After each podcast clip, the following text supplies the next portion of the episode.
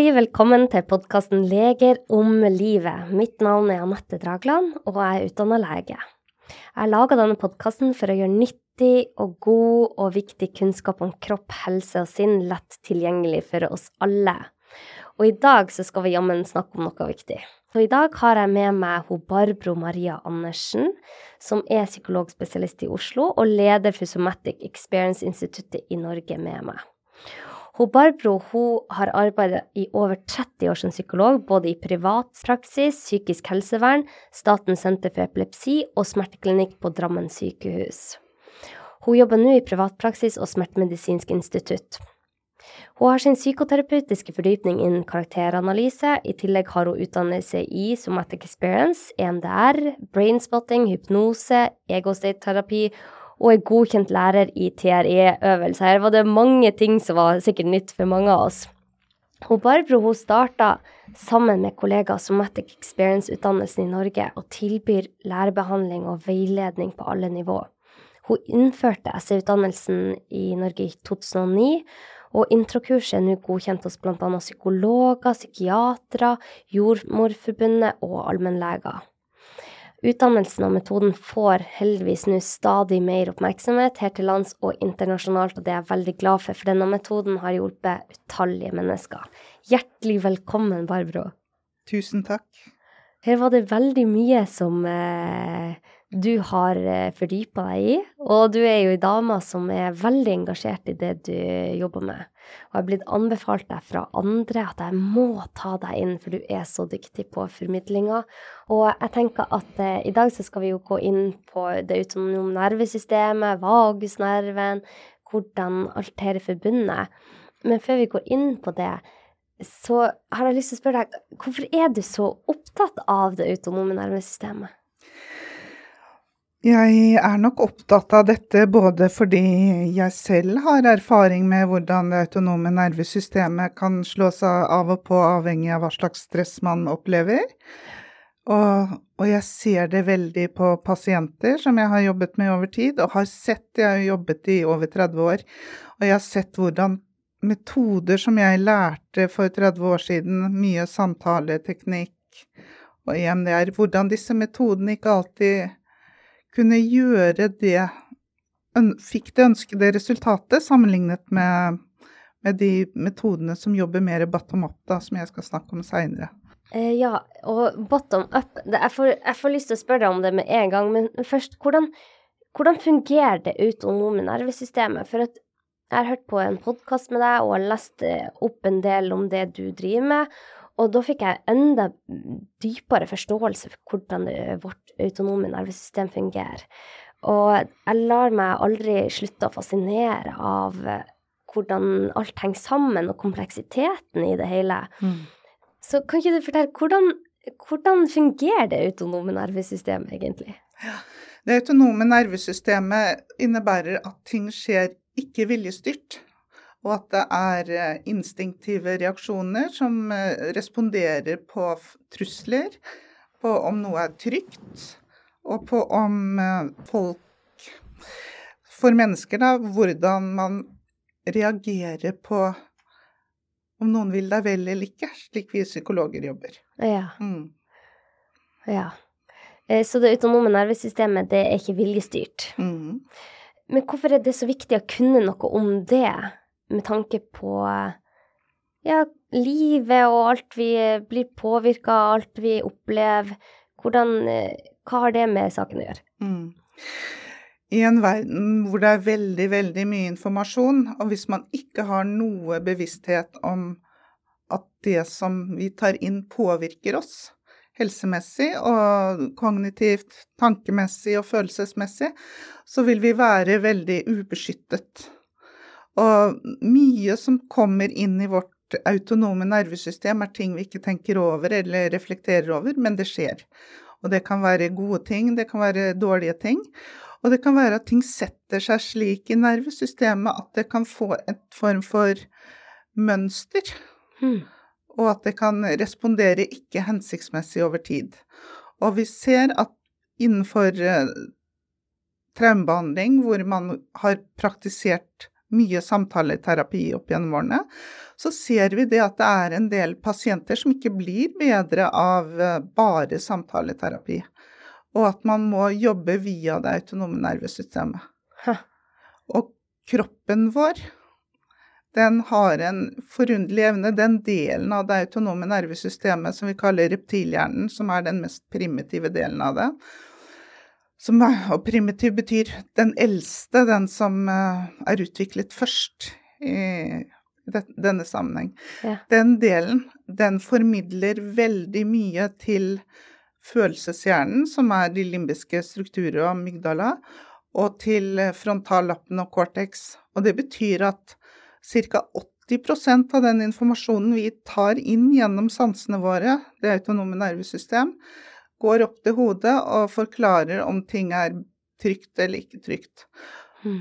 Og når vi da kan se at pasienter og mennesker som er i ekstremt stress, kan feiltolke verden fordi det autonome nervesystemet har en for høy aktivering eller får en, en for høy fyring, og at de da kan fordreie virkeligheten, som gjør at de da får traumetilstander eller posttraumatisk stress eller andre typer beredskapsresponser i kroppen, nettopp fordi den delen av nervesystemet som vi kaller sympatikus, har gått litt i stå og, og er i beredskap mer enn det den trenger.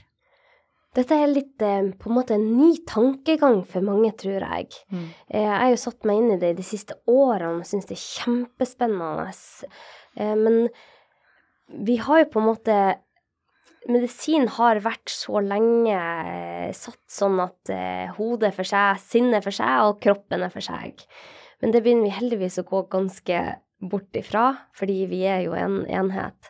Men jeg syns det er fascinerende hvordan du snakker om at det setter seg i det autonome nervesystemet, akkurat som et sånt biokjemisk avtrykk, da, at det, er et eller annet som setter seg, og at vi da må jobbe ut ifra det istedenfor kanskje ikke alltid samtaleterapi eller andre metoder er kanskje ikke det mest effektive, fordi at det har, det har satt seg i kroppen din.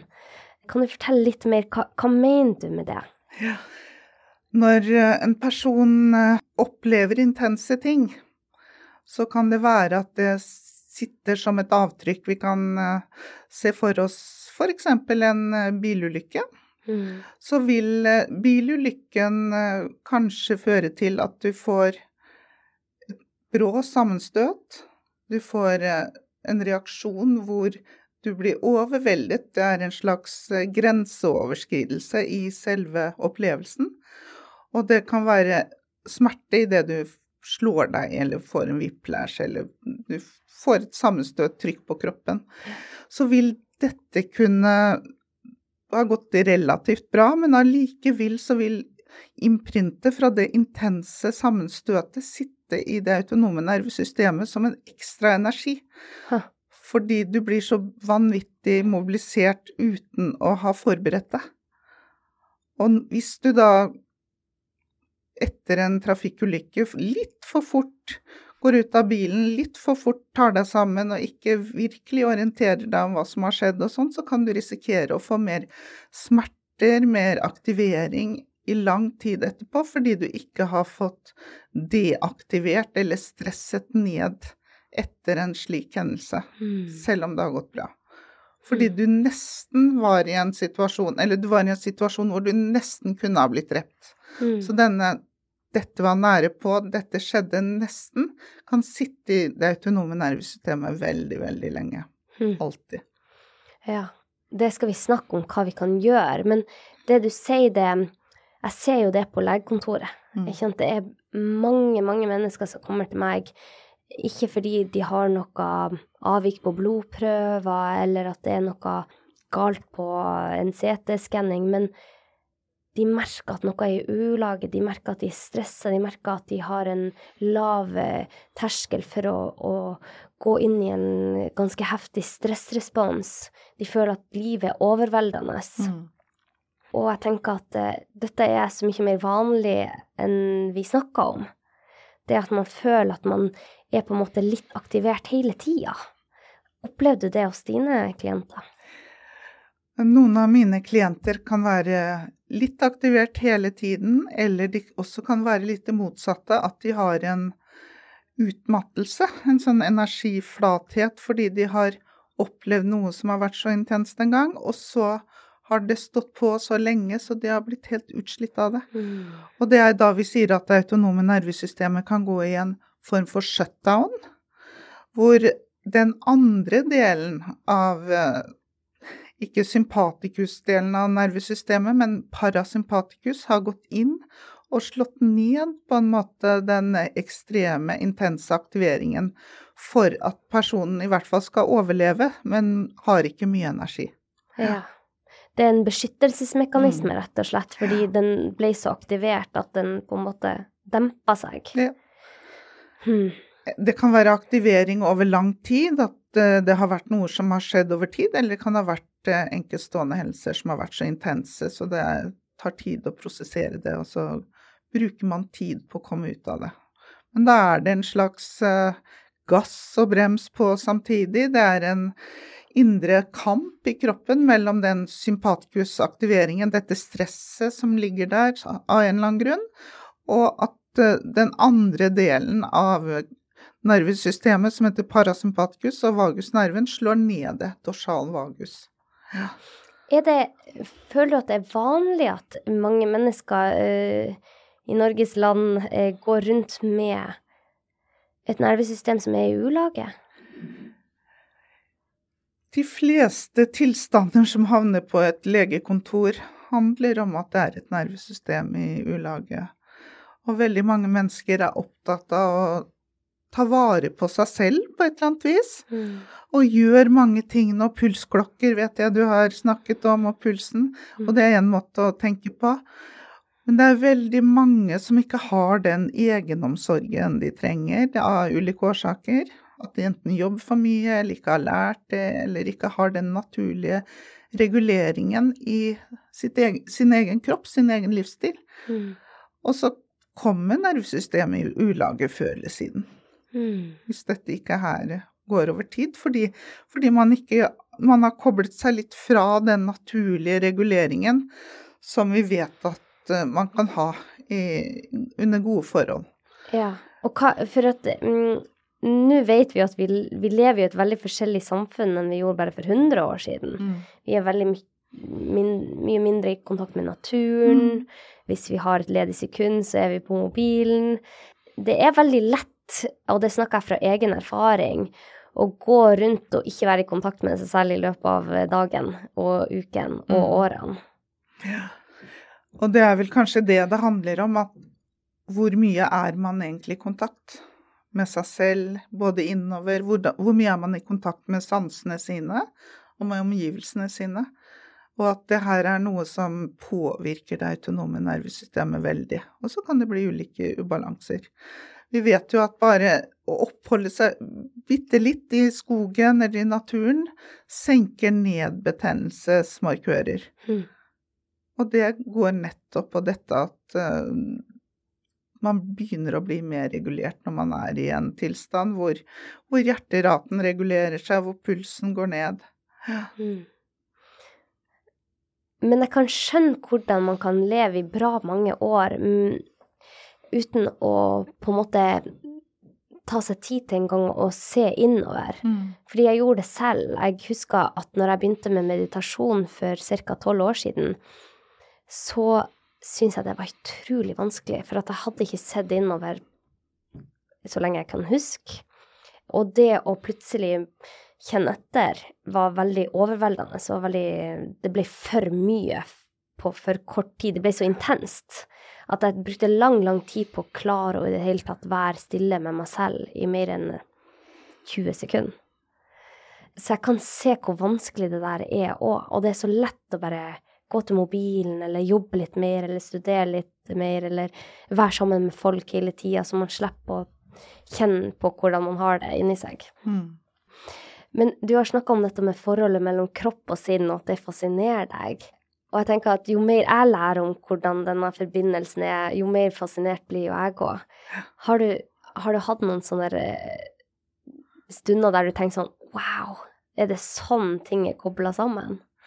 Ja, det har jeg. Jeg er glad for at du deler dette her, Anette, om, om din erfaring, for det er litt dette vi lærer bort også i forhold til somatic experiencing, at det å gå inn for mye og for fort kan bli for sterkt. Mm. Så det er et av temaene der. Men jeg kan si noe om mine aha-opplevelser. Ja. Jeg eh, Innenfor min tradisjon, psykologitradisjon, karakteranalyse, så er det jo at man har en del egen prosess og egen terapi for å, for å lære metodene. Så må man gå i egenbehandling. Og, og i, i den prosessen der så så jeg at disse gruppene som jeg var i, de var litt for intense. Det var litt for mye aktivitet eh, på, på den tiden, på 90-tall, 2000-tall. Så skulle man slå i madrasser og skrike og sparke og si nei, nei, nei for å få opp sterke følelser, for man trodde at det var veldig bra. Ja. Men det var noe for meg som gjorde at dette ikke var bra. Jeg fikk det ikke bedre av det, jeg ble heller mer skremt og syntes ikke noe om, om den måten å jobbe på. Og så fant jeg etter hvert denne SM-modellen hvor det var en helt annen varsomhet og raffinement. Mm. Og da begynte jeg å forstå at uh, disse hyle-skrike-tingene, det var jo det var jo mer acting out, eller de trodde at man ble kvitt noe ved å slå inn pute og skrike og si nei, nei, nei. Men det er mer en slags selvstimulering. Og det var en veldig innsikt for meg i min egen prosess, og i hvordan jeg endret måten å jobbe med pasientene mine. Mm. Hvor det var en varhet og en, et raffinement i, i, hvordan man møter aktivering i det autonome nervesystemet for å hjelpe folk til å kjenne seg så relativt trygg som man skal. Man skal ikke eksponere for all verdens uh, faenskap, det er en av innsiktene jeg har hatt, ja. men at man skal tangere det, ting som har skjedd og møte det, og så tilbake igjen til det som er trygt, stabilt, godt, og det relasjonelle, og det trygge som man har inni seg, inni sin egen kropp. Finne det som er trygt der inne. Så det er viktig å, når man skal gå inn i dette, at man er i trygge omgivelser? Man kjenner seg trygg? Ja, det er ulike varianter av det. Det er jo Vi kaller det å kjenne seg relativt trygg, for vi kan ikke si til en en person som aldri har opplevd gode ting, ja. at her hos meg er du trygg. For den opplever ikke trygg der. Så da må man begynne et sted som, som handler om er det, er det noe her i rommet som er ok å se på? Er det noe her som er ok? Hvis det ikke er ok inni kroppen, så går man ikke dit. Mm. Man går til noe hvor man fanger oppmerksomheten der ute, for på innsiden er det jo så mye aktivering. Mm. Og en av innsiktene er jo at traumene er ikke historien, men det sitter i det autonome nervesystemet. Mm. Det er der de har, har det med seg. Mm. Og hvordan man kan da bryte denne historien. Peter Levins, som er min læremester innenfor SE-metoden, han sier at uh, traumer trenger ikke være en livstidsdom at man er traumatisert. Nei. Og det er veldig viktig for mange å vite. For mange kan kanskje gå litt mye inn i det, det å kjenne seg som et offer, men vi fokuserer mer og mer på at det finnes noe som er posttraumatisk vekst, og at man kan transcendere og ekspandere ting som har skjedd, slik at man faktisk kan vokse som menneske etter alvorlige hendelser eller tøffe perioder i livet. Hmm. Ja. Sånn som du har beskrevet når du forteller at du har funnet så mye kunnskap fordi du hadde en stil hvor du jobbet for mye, eller Ja. Mm. Fra å ha det veldig vanskelig til å mm. ha det bra. Mm. Jeg tenker at um, Da får jeg litt lyst til å spørre, for nå sa du ordet traume, og for mange så forbinder de ordet traume med veldig alvorlige ting, sånn som overgrep. Men eh, vi har jo snakka litt i forkant av eh, i dag, og kunne du bare ha gått litt inn på hva er egentlig traumer, og, og, må det være veldig alvorlige ting som har skjedd for at det skal kunne sette seg i kroppen din? Nei, som jeg sa i sted, så nevnte jeg at en nesten-ulykke kan sette seg i kroppen. Ikke sant? At en nesten bilulykke som gikk bra, kan sette seg som en aktiveringstilstand i kroppen. Og det definerer eh, Innenfor S-modellen så definerer vi ikke traume på samme måte som i psykiatri. Det kan være f.eks. at et fall hvor du faller på isen, et snowboardfall, kan sette seg i kroppen, og du må jobbe det ut på et eller annet vis. Og slike ting kan også stjele din mentale kapasitet og din orienteringsevne hvis du har hatt slike intense, harde sammenstøt med noe high impact trauma, så kaller man det. Mm. Så det er én variant av traumer. Og så har vi de som er over tid, og som kanskje begynner tidlig. Og det er, kan være at du er født inn i en familie hvor det er tøffe oppvekstforhold, og hvor det er eh, ikke så godt å, å, vokse der, at det er utfordrende. Og da, er det, da kommer vi inn på det som er uh, negative barndomsopplevelser, eller ACE-opplevelser. At man kan ha mange ting over tid. Mm. Og, og, den type traumetilstander, det vil jo også påvirke kroppen veldig. Og at man også kan få somatiske plager som uh, kommer i tillegg ofte til de mer eh, trauma, eller psykiatriske eller psykologiske temaene, da. Og mange behandlere kan bli overveldet når de får slike type klienter som de skal behandle, som har store, alvorlige historier. Men vi jobber mye, mye mer med å oppfatte hvordan vi kan jobbe med å få til et kroppsskift i nervesystemet for å hjelpe personer som har vært i langvarige stresstilstander, til å komme ut av det ja. på en veldig varsom og fin måte. Det jeg kom til å tenke på nå, at jeg husker jeg leste en, en studie som viste at jo flere negative hendelser et barn har opplevd, jo større risiko er det for sykdom i voksen alder. Mm. Det kommer jo masse, masse studier nå som viser at det, sånne adverse child events påvirker deg opp i voksen alder. Men det jeg blir så glad for at du sier, at det er ikke en dødsdom, det å ha opplevd vanskelige ting som barn, fordi at man kan eh, jobbe det ut, eller eh, få et godt og balansert nervesystem igjen mm. ved å tilnærme det på en god måte. Og det tenker jeg vil gi veldig mange håp å høre.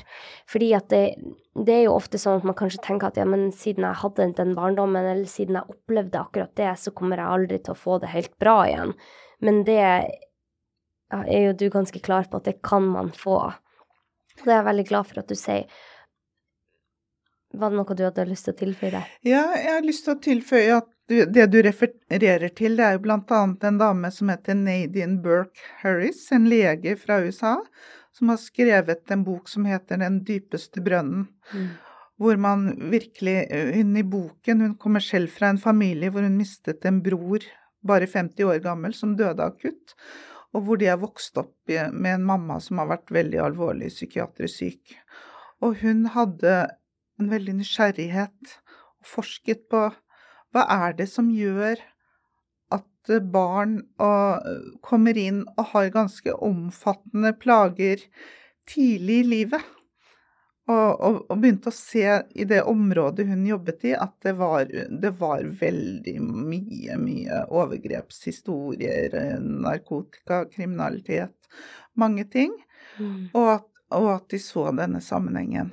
Og, det vi vet nå, det er at det er mulig å bryte selv slike type sykdom, sykdommer som kommer som følge av alvorlige oppvekstforhold, eller mange dramatiske hendelser. Ja.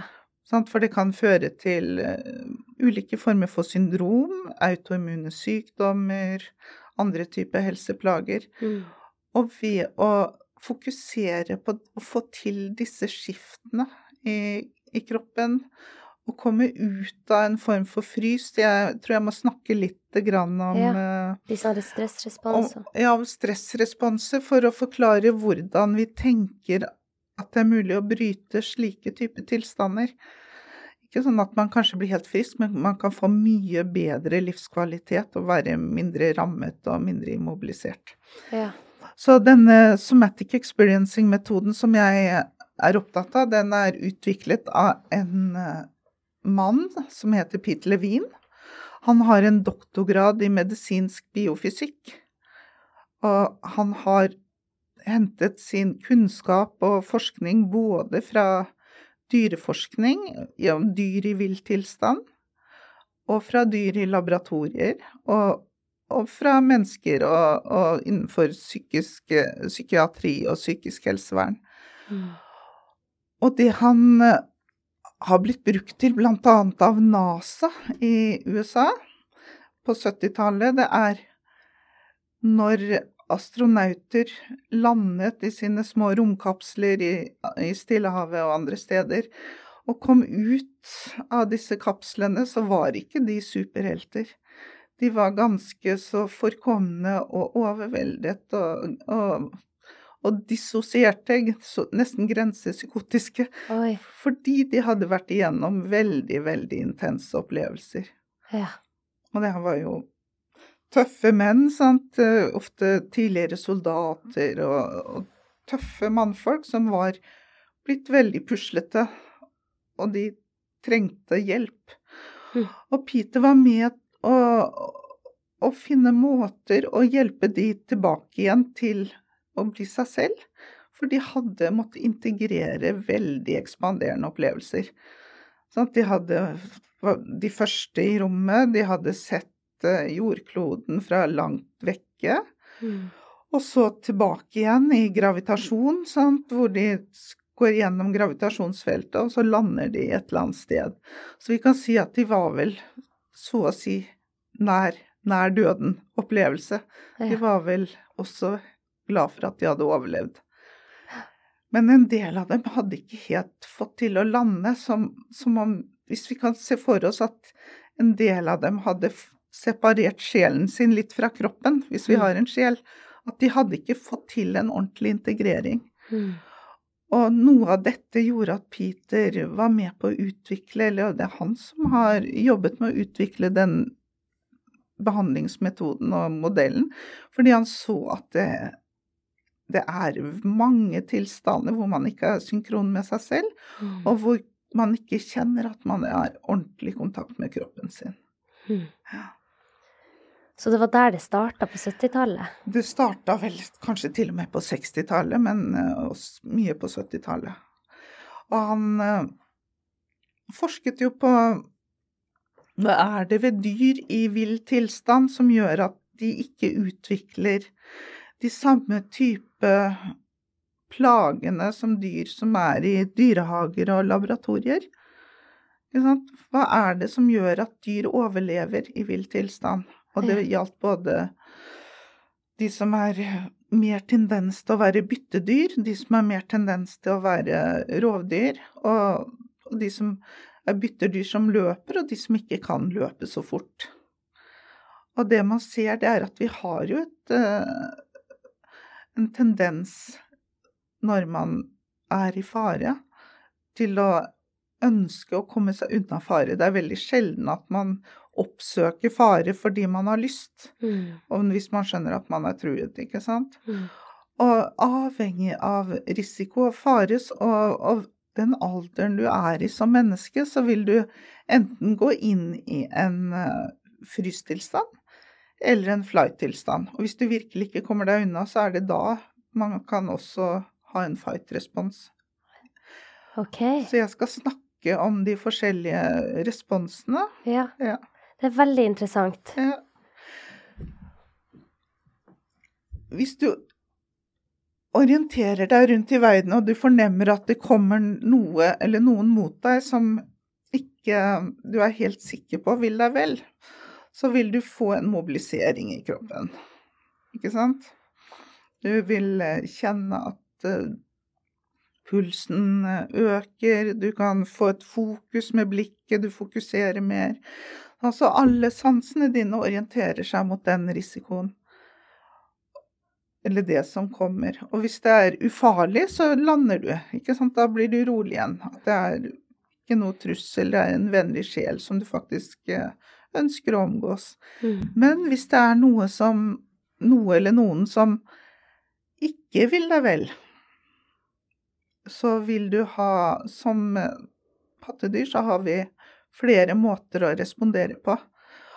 Og når man virkelig ikke kommer seg unna, så vil man kunne reagere med en frysrespons. Og det er at man først blir veldig, veldig redd eller kjenner at man blir mobilisert. Og så, fordi man ikke kommer seg unna, så er det som om det er noe som slår inn, en annen del av nervesystemet som heter det parasympatiske nervesystem. Og dorsal vagus-delen av det, det er den bakre delen av vagusnerven. Når den slår inn, så er det at man kan gå inn i en immobilisert tilstand med frykt. Hmm. Og den gjør at du overlever, kan overleve, men at du ikke kommer deg helt unna. Men du er heller ikke helt til stede i situasjonen når noe dramatisk skjer. Sånn som vi ser blant ungdom på Utøya f.eks., så var det mange som gikk inn i denne immobilisering uten frykttilstanden. Jeg har jobbet en del med det, så jeg har sett at det var et av temaene. Og hvordan respons er det? Bare sånn når vi ser i dyreverden, da. Så hvis et dyr da eh, møter på en eh, alvorlig trussel, så legger de seg ned og spiller død? Ja, det er jo ikke et spill, ikke sant. Nei. De har en eh, tilstand hvor det autonome nervesystemet slår ut seg selv, sånn at man nummes ut. Man mister kontakt, man kan besvime, f.eks. Ja. Eller eh, visse typer dyr, sånn som høner og kaniner og pungrotter, de har jo det som sin eh, traumerespons, at de kan gå inn i en tilstand som kalles for thanatos, som er en tilstand av eh, intens mobilisering, samtidig som man slås ut. Ok. Så var det større sannsynlighet for at de overlevde, da, hvis de gikk inn i en freeze-respons i dyreverden? Ja, i dyreverden så vil den type dyr utskille et visst stoff som gjør at de blir lite attraktive å sette tenna i. De gir ikke motstand, noe som gjør at enkelte rovdyr ikke ønsker å spise de, for da kan de tenke at det er et kadaver. Mm. Eller fornemme det. Så, så det er en hensikt Ja. for å overleve. For de som ikke er kjappe nok til å komme seg unna.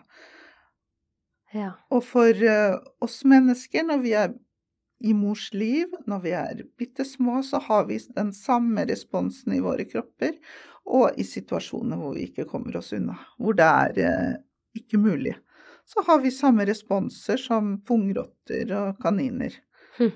Og det som er bra, er at vi har det, men det som er ille, er om den responsen sitter i kroppen som en del av et eh, forsvarssystem, og at ikke vi har utviklet evnen til å løpe, komme oss unna, sette grenser eller eh, ta en fight.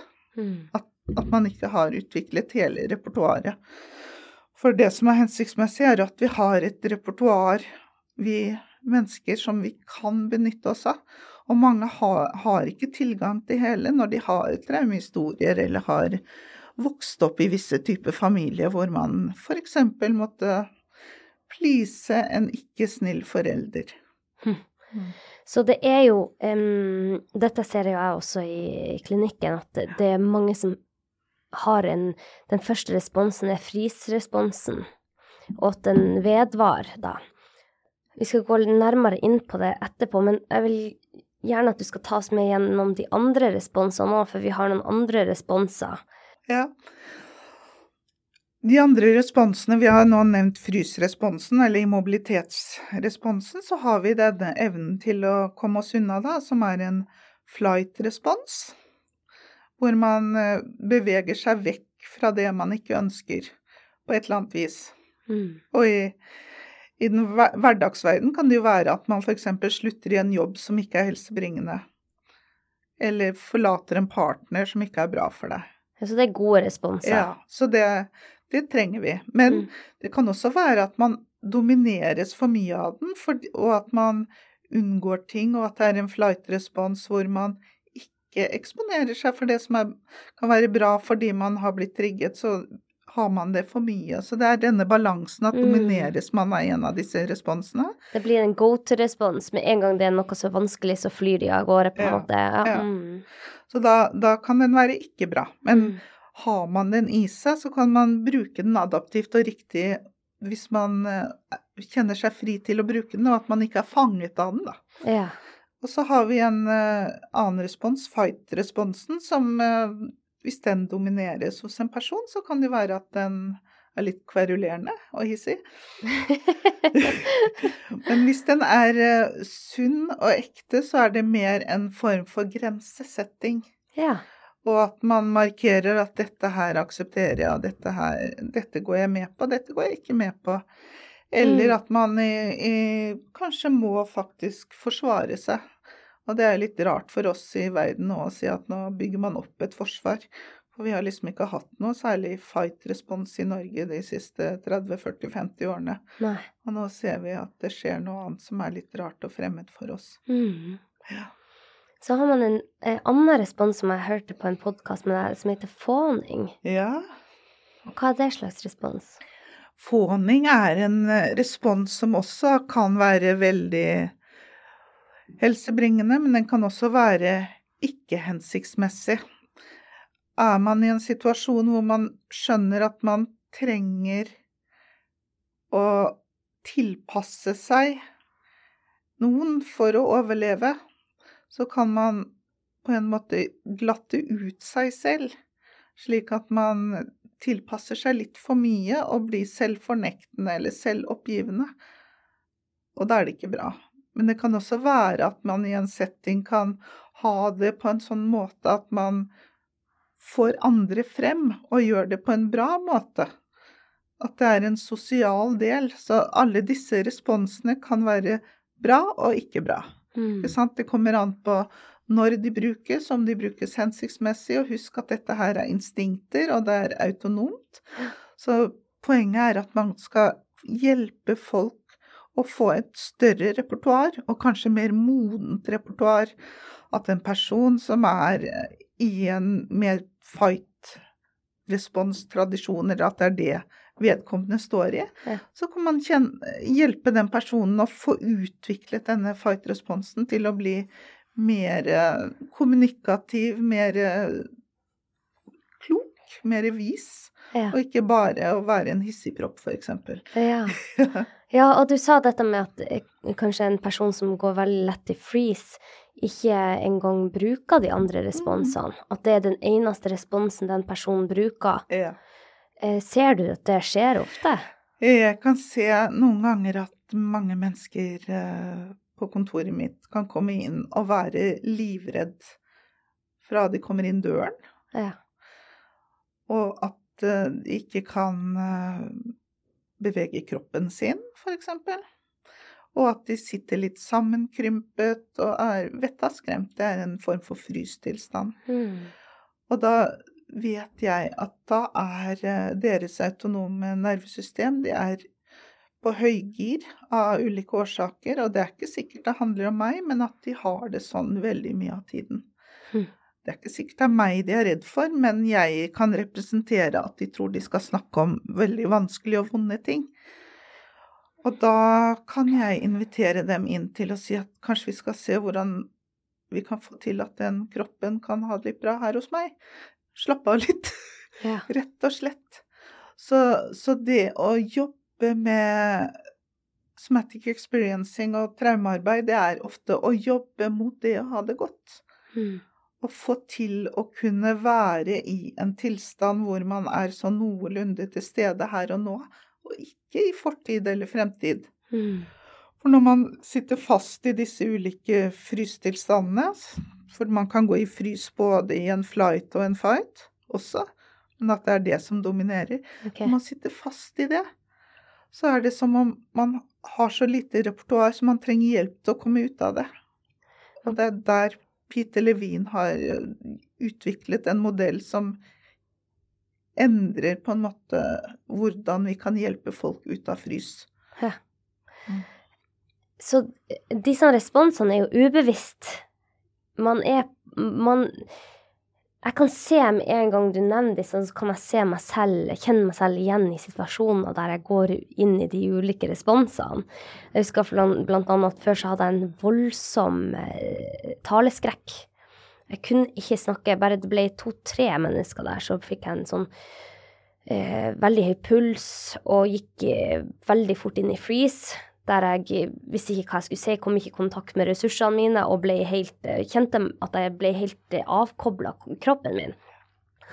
Og dette skjedde jo hver eneste morgen når jeg jobba som lege på sykehus og, jobbet, og måtte ha i morgenmøte presentere pasientene mine. Så skjedde dette hver eneste dag, og alle sa at det skulle bli bedre jo mer du øvde på dette, jo, jo bedre ble det. Men for meg så ble det bare verre gjennom turnustida mi. For at jeg gikk inn i denne freeze. Jeg mista pusten, visste ikke hva jeg skulle si. Og var veldig, veldig, veldig ubehagelig. Jeg er jo heldigvis kommet ut av det, og det er jo det som det har jo gjort at jeg kan starte en podkast. For, eh, for, ti år siden kunne jeg jo aldri ha starta en podkast. Men jeg visste på en måte at jeg gikk inn i denne responsen, men jeg hadde ikke ressursene til å komme ut av den da. Og med tida så har jeg fått de verktøyene, men dette skjer jo også hos veldig mange som ubevisst, da. Jeg kan jo eh, tenke på en venn som går veldig lett inn i freeze med en gang han møter på motstand. At det blir responsen, og så er han langt nede i lang tid mm. før han kommer seg ut. Og det Hva kan man gjøre, da? Det er jo eh... Ja. Jeg er glad du deler litt fra deg selv, for jeg kjenner meg litt igjen fra min ungdom. At jeg også kunne være litt skremt av å holde foredrag og taler og, og sånn. Og så tenkte jeg at Jeg tenkte på den tiden jeg må tenke annerledes om aktiveringen. At det kanskje er noe som er tiltrekkende ved det, og ikke bare farlig. Så det er en måte å, å kanskje utforske angsten sin på. At når man kjenner at man blir immobilisert, og du har jo nå transcendert ved å sitte her og nå ut til veldig, veldig mange mennesker, Anette. Mm. Ikke sant? Så du har jo gjort en posttraumatisk vekst av, av en taleskrekk til å få det til. Og gjort et skift i ditt autonome nervesystem, ikke sant. Og det er ikke lett. Nei. Det er ikke en lett jobb. Nei, det er ikke det. Det er ikke en lett jobb, men allikevel så er det som man finner veien fordi man begynner å kjenne sin egen kropp, sitt eget nervesystem. Og det jeg øvde meg på, det var lenge før jeg lærte om SE og, og disse metodene, det var Jeg var så glad i å gå på tivoli. For der oppsøkte jeg eh, skrekk og gru og spennende ting når jeg var ung voksen. Ja. 18, 19, 20, 22 år. Jeg elsket tivoli, det var veldig fascinerende. okay. Og så likte jeg å være forelsket også. Det var liksom intense, gode følelser. Ja. Så det jeg ofte gjorde da jeg var ung, og før jeg kunne esse, det var at jeg eksponerte meg for slike ting. Og så tenkte jeg men det her ligner jo litt på den samme følelsen jeg har når jeg skal holde tale eller når jeg skal holde et foredrag. Det skjer jo de samme tingene på et tivoli. Og så begynte jeg å reforhandle. Ja. Reforhandle med meg selv. Og da husker jeg en gang, for jeg litt, hadde litt høydeskrekk, jeg kan ha det litt ennå, jeg husker en gang jeg var ønsket å eksponere meg, utforske denne skrekken min for høyder, så gikk jeg opp i Ulriksbanen i Bergen, hvor jeg studerte, med en kjæreste som jeg var forelsket i. Og jeg tenkte at den fornemmelsen av å ha høydeskrekk, den kan kanskje utlignes av at jeg står her med denne mannen. Ja. og det stemte. Det var ikke skummelt. Det var ikke noe skummelt å ta Ulriksbanen, det var jo mye mer at det kilte i magen og at det var spennende. Mm. Og det er litt slik vi jobber innenfor eh, denne modellen, at hvordan kan vi få opp det i oss. Det i oss, inni oss, som er våre indre ressurser. Hva er det i oss som er så livgivende, så godt, som vi kan ha med oss, som ikke handler om traumene våre. Mm. Og så jobber vi med at det skal ta større og større plass som en være. Noen ganger så er dette sovende ting som man ikke husker eller har bevisst. Andre ganger så, så er det lett tilgjengelig. Men det, vi jobber med å få disse indre ressursene på plass som om det nesten skjer nå. At det er noe godt i oss mennesker som vi kan møte det som har skjedd. Så vi snur hele traumeparadigmet på hodet og sier at kroppen vår er jo faktisk levende nå. Mm. Den har overlevd, og det har jo ofte ikke kropper innsett eller forstått. De tror det er skummelt og farlig fremdeles, men vi gjør det vi kan for å styrke det som er nå, og noen ganger så tar vi da kontakt med ting som har vært bra tidligere i livet, for å aktivere de kroppsminnene. Eller de aktivitetene, de de impulsene vi har til å være i livet, enten det er bevegelse eller kontakt, som en motvekt til den frysen som er knyttet til en immobilisering med frykt. I Somatic Experience så snakker dere ofte om dette med bottom up-forståelsen og bottom up-metoden. Hvordan er det ulikt fra den kan man kalle det top down-metoden? Mm. Ja, Innenfor vanlig psykologisk behandling så har vi ofte det vi kaller top down-metoder, som er eh, samtale om en situasjon, en emosjon eller eh, noe som har skjedd, et traume, og så skal man f.eks. tenke seg til ting kunne vært annerledes. Man bruker tankene sine og hodet sitt for å prøve å endre den plagen eller ubehaget som man har inni seg. Mm. Og de tankene man har, f.eks. om seg selv eller andre. Men det vi har sett innenfor eh, mange behandlingsmodeller som jobber mer kroppslig, og hvor det er traumer eh, involvert, det er at det er ikke mulig å nå inn til noen, ofte med, med top down-metoder, når de er virkelig i en, et traumemodus hvor de ikke har kontakt med tankene sine på en fornuftig måte. Mm. Så vi kan spøke noen ganger med at det er ikke helt noen voksne hjemme der. Mm. Det er ikke, Den rasjonelle biten av oss er ikke der. Og det vet vi at det er jo det som skjer når, når folk er i frys over tid. Så, så kan man miste litt gangsynet med hva er det som er virkelig, og så begynner man å tro på tankene sine, og det er jo kanskje vår mm. største forførelse i Vesten at vi tror på alt vi tenker, og tror at det alltid er helt virkelig. Ja. Men vi er jo veldig, veldig påvirket av aktiveringstilstanden vi har i kroppen.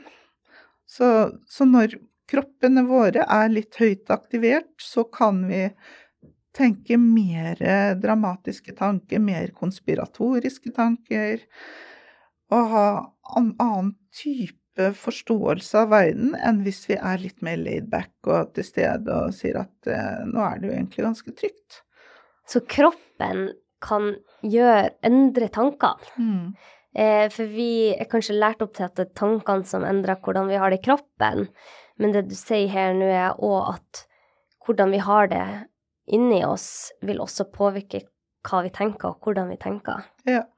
Hvordan vi har det inni oss påvirker hvordan vi tenker. Men det som er enda mer spennende, er hvis vi tar en liten sjekk ut og orienterer oss utover med de fem sansene våre, så kan vi veldig raskt påvirke hvordan vi har det inni oss. Og da kan vi se OK, her, her ser det ganske trygt ut. Mm. Det er jo ikke noe farlig akkurat nå. Hun som sitter der borte, er ikke farlig, for nå sitter jeg og ser meg rundt. Ja, ja. og, så, og, så, kan det påvirke hjerterytme, det kan påvirke aktiveringstilstand og puls, slik at man faktisk der og ta, uten å skulle gjøre noen dramatiske pusteøvelser eller noe, orienterer seg mot her og nå, så går aktiveringen ned, og angsten kan gå ned. Og noen trenger tid på det. Å komme til stede i et rom med de fem sansene sine sammen med et annet menneske. Så, eh, så metoden er mindre retta mot å snakke om hva som har skjedd, men mer med å komme i kontakt med kroppen sin? Ja, den er mer rettet mot å komme i kontakt med nåtiden. nåtiden. Hvem du er nå som voksen. Ja. Sant? Og når du er i kontakt med den du er akkurat nå, som har overlevd noe, eller som eh, her og nå er i, i god shape, så vil noe begynne å kjennes som fortid, og da kan man begynne å komme ut av frys. Ha. For da dominerer ikke den beredskapen. Så da skjer det en reforhandling i kroppen, hvor man begynner å slippe den der ekstreme beredskapen. Fordi man ser OK, det er jo ikke farlig lenger. Og det hjelper ikke om noen sier, det, sier til deg at det er ikke farlig, det er trygt. Du må kjenne det fysisk inni deg. Mm. Det er ikke sikkert at uh, dine ører klarer å ta inn det budskapet om at det er trygt. Mm. Men hvordan gjør man det, da? La oss si kanskje det som er vanligst, å komme inn i en freeze-tilstand, da. Der man Ja, man er rett og slett i, i ikke helt i kontakt med seg selv. Man uh, unngår, man uh, på en måte er i en frysmodus der man ikke klarer å komme i kontakt med ressursene sine. Hvordan vil det hjelpe en person som er i en sånn modus? Mm. I en sånn modus så vil en, ofte en person trenge hjelp til å orientere seg utover, og ikke være så introvert. Vedkommende vil kunne trenge hjelp til å ta inn noe av rommet, ta inn hvordan det kjennes å ha kontakt med gulvet, Mm. Ta inn hvordan det kjennes fysisk å sitte på en stol. Kontaktflaten mellom eh, setet og stolen. Og ved å øke toleransen, eller kontakten med alle sansene våre, den taktile sansen, hørselssansen, synssansen Hva er det man ser på, og hva, hvordan ser man det? dette vil kunne gjøre at man dras ut av det som er på innsiden, som er ofte en immobilisering, en eller annen form for enten immobilisering med frykt eller noe annet som man har kontakt med. Så trekkes man ut. Og når man er litt mer der ute, så kan man gå litt inn, og så går man litt ut igjen. Så skifter man litt oppmerksomheten mellom det som er der ute. Oi, her er det trygt, her er det ålreit å være. Og så går man inn hvor det skjer intense ting, og så ut igjen. Og da handler det om deg og ditt forhold til din aktivering. Det handler, handler ikke om den personen eller den personen akkurat da som har gjort noe dumt med deg, men det handler om deg og ditt forhold til din indre verden, og hvordan du er i denne verden. Din kontakt innover og utover. Så hva ville du anbefalt sånn til de som lytter på akkurat nå, som kjenner seg igjen i at når livet blir vanskelig, så går de i freeze? Eh, eller til en person som er sykmeldt akkurat nå, som har hatt det veldig, veldig tøft på jobben, har kanskje hatt det vanskelig i barndommen, det er mange ting, og føler at eh, nervesystemet er helt i ulage. Hvor skal man starte? Mm. Det kommer jo an på hvor mye i ulaget det er. Er det sånn at man ligger i sengen og har trukket eh, dyna over hodet, så er det litt hvor mye sansestimulering kan du ta, og hva er det som kan være ok sansestimulering? At man begynner bitte litt, og så øker man litt av gangen. Det heter å dosere. Okay.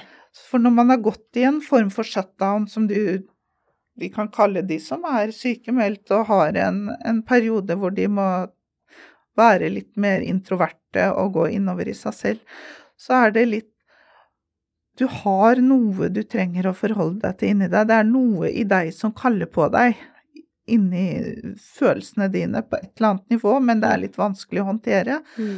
Så vær litt orientert utover i verden. Litt orientert mot natur, eksempel. Å være i naturen, å være i naturen betyr ikke nødvendigvis å gå intenst på ski, men det kan være å sitte i naturen. Bare lytte og ta inn det som er rundt deg. Mm. Og, og, kjenne hva det gjør med, med hele deg, og ta inn lite grann.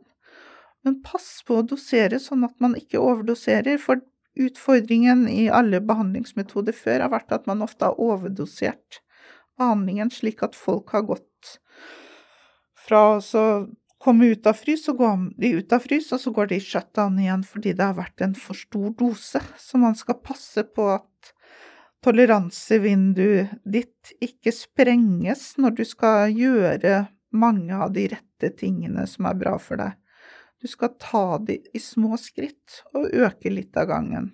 Mm. Gradvis ekspandere toleransen din for, eh, for hva du klarer å ta inn av det som er godt. Mm. Og da skal man ikke fokusere for mye på smerte, men på å ta inn de gode tingene.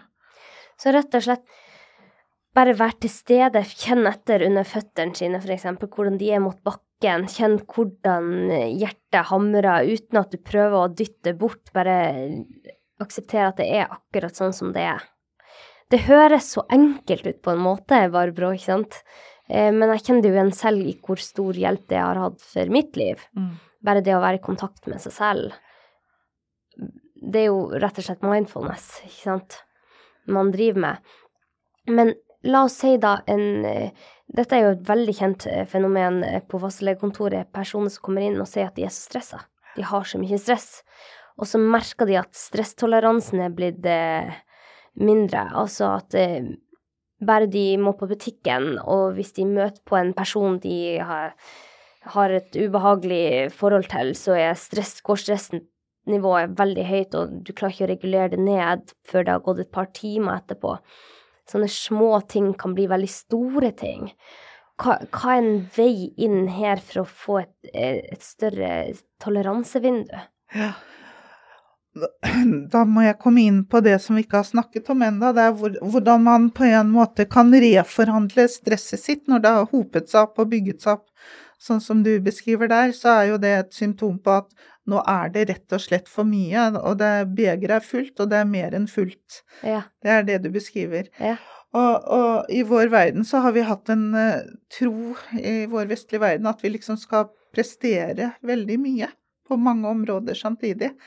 Og da tror jeg at, at den uh, toleransevinduet som vi har, kan være tilsynelatende bra når det er bra, Mm. og så er det noe som kan bli for mye, noe som trigger deg, som kanskje har noe med noe fra fortiden å gjøre, som gjør 'dette her trengte jeg ikke nå', og så kan brått oppleve at man har dette snevre toleransevinduet. ja. Og Dominobrikkene bare falt, Ja. liksom. og da er det ofte knyttet til et eller annet som du, eller vi, opplever som har skjedd, eller som er et tema i livet vårt som vi trenger å få løsnet på. La oss se på det som en form for uh, emosjonell knute eller aktiveringstilstand i kroppen som vi trenger å, å få løsnet på en måte som er fysisk, ikke bare psykologisk. Ok. Ja. Så hvordan gjør man det konkret, da? For det er jo vanskelig å bare være bevisst på det. Hvis, hvis jeg jobber veldig mye, det er mye med barna, det er noe Altså, det, det er rett og slett for mye i hverdagen, men man klarer akkurat å holde det ved like. Man, man klarer Begeret er fullt, men det har ikke rent over. Og så skjer det én ting, da, som gjør at det renner over. Så det er jo mange ting, kan jeg tenke, som er årsaken til det her. Det er mye på jobben, det er krangling med en eller annen, eller det er et- et barn som sliter. Det kan være mange ting jeg kan feste de knaggene på at nå rant begeret over. Men hva, hvor, skal man gå inn da, tenker Ja. jeg. Når du beskriver en sånn type tilstand, så er det jo at man er dominert av det vi kaller sympatikus, at det er for mye hele tiden. Mm. Og da, det vi da ser, hva er det som mangler? Jo, det er jo hvilemodus, parasympatikus, de gode tingene. Så hvordan få inn disse gode tingene nesten noen ganger flere ganger om dagen, må man stoppe opp og ta pauser, og da må man gjøre noe som skifter denne bodyskift, bodyshift, sier vi, eller kroppsskifte, hvor man virkelig kan kjenne at man får til et skift. Ja. Og det, det er ikke sikkert at det innebærer at du må ta deg en lang ferie. Noen ganger så er det andre typer skift. Det kan være at du, når du setter deg ned Du har barn? Ja. Ja. Har du dyr også, eller? Nei. Men du har barn. To gutter på fire og ni. To, ja, da har du mange muligheter når du setter deg ned med de om kvelden. Og, og liksom skal lande, og virkelig være nær personene, eller sønnene dine om kvelden Mm. så, så kan du være enda mer oppmerksom på hvordan er det, hvordan kjennes det når du eksempel stryker barnet ditt over ryggen eller gir en klem, og være veldig, veldig bevisst de små tingene som egentlig er hverdagsting, men som er store i seg selv. Ja. Ikke sant? Og da vil du koble på en annen del av nervesystemet ditt. Og det er ikke enkelt å gjøre det, for når man er stressa, så er man jo i denne tredemøllen, Mm. og man løper og løper og Mm. løper. Men innimellom så kan det være noe som glimter til og berører. Og så er det jo viktig for alle som har veldig mye hektisk og travle dager, å vite at det er lov å ta pauser.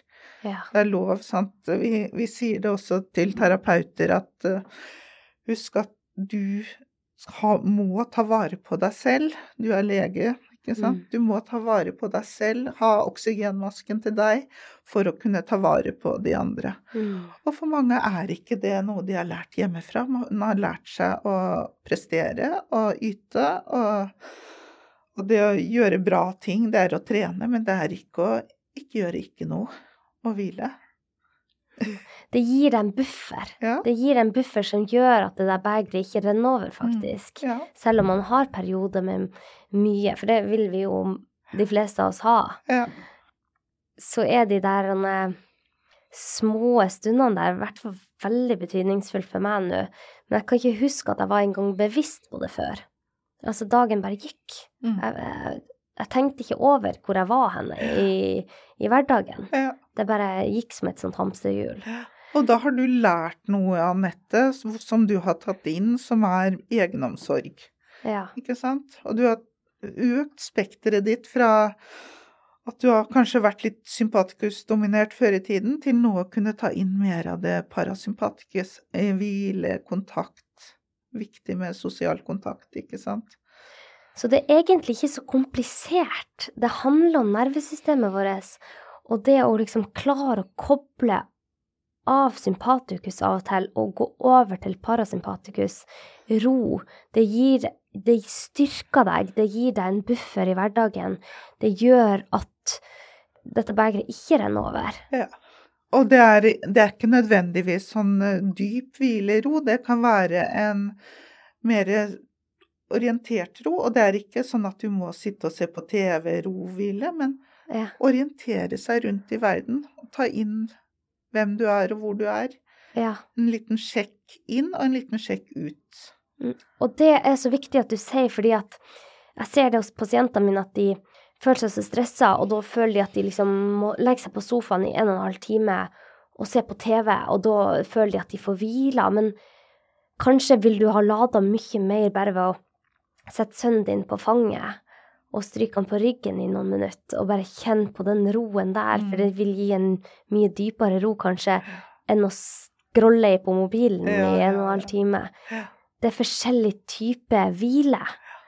Det er viktig, sånn, sånn som jeg snakket med en av mine pasienter som mente at hun hvilte fordi hun, hun var i ro og hadde fokus. Og så sa jeg at men det er en litt annen type Hun hadde en hobby hvor hun måtte være veldig fokusert. Ja. En litt annen type hvile enn når man på en måte gir seg hen på en annen måte. Så det er mange måter å hvile på. og Vi trenger mange varianter av det. Mm.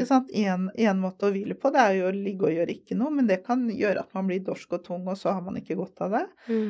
Og så er det en annen type hvile, det er jo å gå sakte i en skog, ikke fort. Det å bevege seg sakte kan ta kroppen ut av frys, Ja. og gjøre ting på en varsom måte. Fordi denne følehjernen vår som er i beredskap, vi kan si at vi har Når man er veldig stresset, så har man en eh, litt sånn overaktiv livvakt, eller paranoid livvakt, som holder på med oss, og som definerer verden enten som mer truende eller mer travel enn den trenger å være. Og når den delen skal ut av frys, så trenger man tid, og man trenger ofte litt kontakt, sosial kontakt, vennlige fjes, Mm. og man trenger å kunne kjenne at man kan lande. ja. Mm. Så du tenker at disse små øyeblikkene i hverdagen er viktig? Det er kjempeviktig. Det er jo ofte det vi sier, at det er det som skjer mellom psykologtimene som er viktig, ikke det som skjer i timene hos meg. Ja. Så det er å, å øve på å være et menneske som også er en kropp, og at den kroppen formidler seg. og at vi er i omgivelser hvor det kan være relativt trygt. Vi har det relativt trygt i Norge. Mm. Ja, men vi har også mulighet for å bli veldig trigga selv i Norge, for det er så mye som skjer rundt oss, og ja. det er mye vondt som skjer. Og så er det travelt, det er mye stress.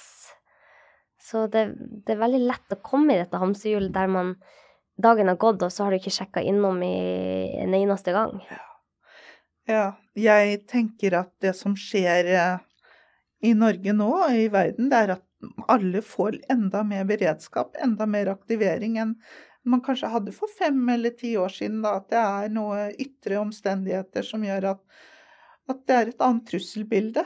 Og da må man håndtere det enda mer med å være bevisst. Hva er det som er de dype, gode verdiene som gjør at du kan kjenne at det er relativt trygt her og nå. Ja. At, hva, hva, kan du gjøre fysisk, kroppslig, for deg for å kunne kjenne at kroppen din har det bra? Ja. Og, påvirke da, og da påvirker du på en måte hele din virkelighetsoppfatning. Og det kan være sånn som å være i kontakt med mennesker som betyr noe for deg. Det kan være å bevege seg i naturen, med dyr, andre typer aktiviteter. Og for noen er det high impact-trening, og for andre så er det helt andre ting. Men det er det å få kontakt med en eller annen sånn livsnerve som er deg, som jeg tenker er viktig, og som SE-modellen veldig fronter. At du har noe i deg som er ditt Vi kan kalle det ditt nåværende selv, den du er nå, eller kjerneselvet ditt, og at den, det er en del av deg som du trenger å ha en forbindelse til hele tiden. Jeg bare tenker på eh, For eh, de som har opplevd store, vanskelige traumer, f.eks. i barndom eller i voksen alder, og som nå blir litt engstelige fordi at de fikk høre at de har større risiko for sykdom senere i, i voksen alder. Heldigvis har du sagt at man kan få et balansert nervesystem igjen, og at ikke den risikoen trenger å være der lenger. Men hva ville du sagt til de? For eksempel, jeg fikk en, et spørsmål fra en lytter en gang som sa at hun opplevde store traumer i barndommen, men hun har det godt i livet sitt nå. Hun hun kan merke at enkelte ting trigger henne, som gjør at hun kommer tilbake i den tilstanden hun var i som barn. Men for det meste så har hun det bra. Og så hadde hun lest en bok av Gabor Maté, og så var hun redd for at dette hadde satt seg i nervesystemet, selv om hun egentlig ikke hadde noen store plager forutenom enkelte ting som kunne minne henne på det, og som kunne trigge henne. Jeg vil bare på en måte gjøre henne mindre engstelig. Hva, hva ville du sagt til henne?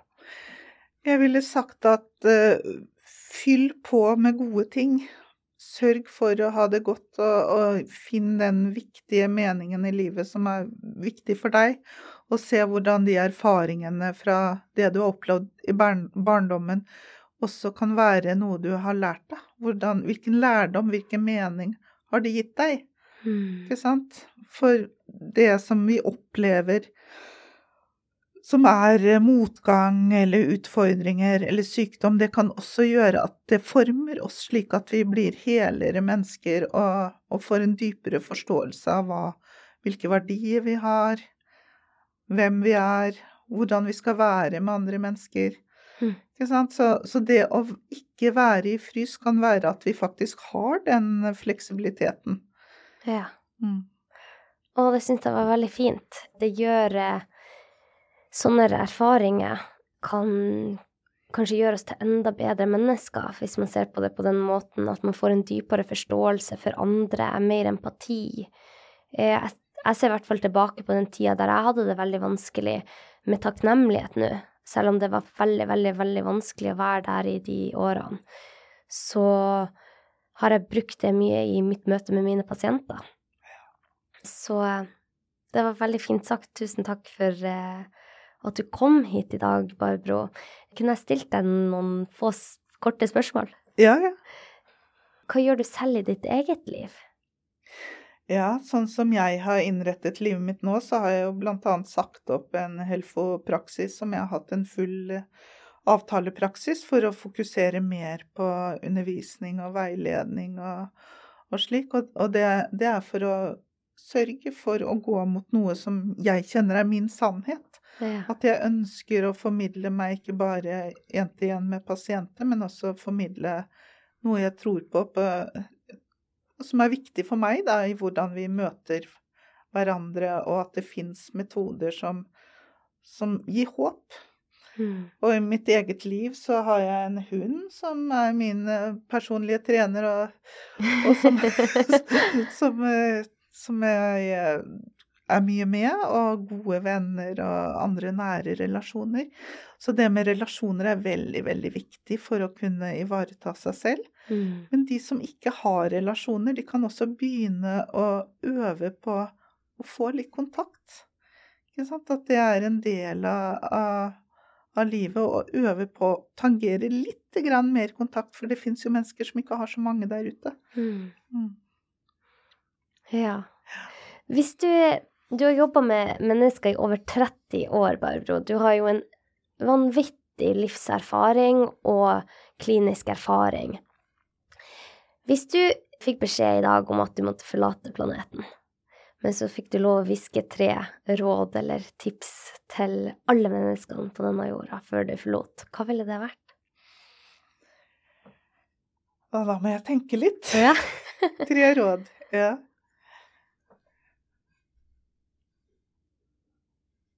Du skal leke mer, det er en viktig del. Og ta fram barnet i deg og akseptere at det er noe lekent i livet også.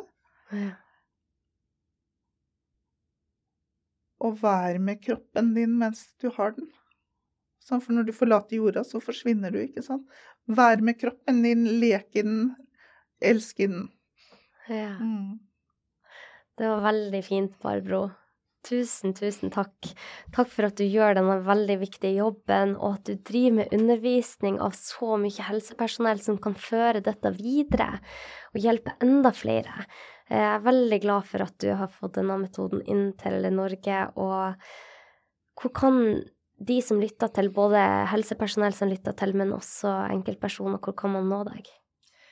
De kan lese om uh, somatic experiencing-metoden på seinstituttet.com, som er vår webside.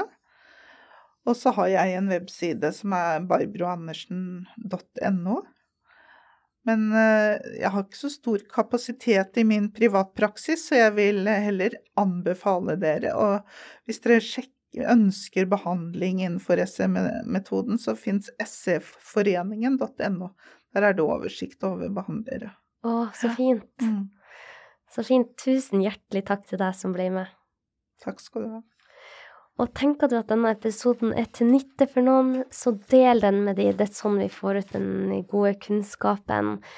Og eh, hvis dere har noen spørsmål, så vet dere hvor dere kan nå Barbro. Og hvis dere har noen spørsmål til meg, kan du skrive under på Instagram og Facebook, hvor jeg legger ut eh, dagens episode.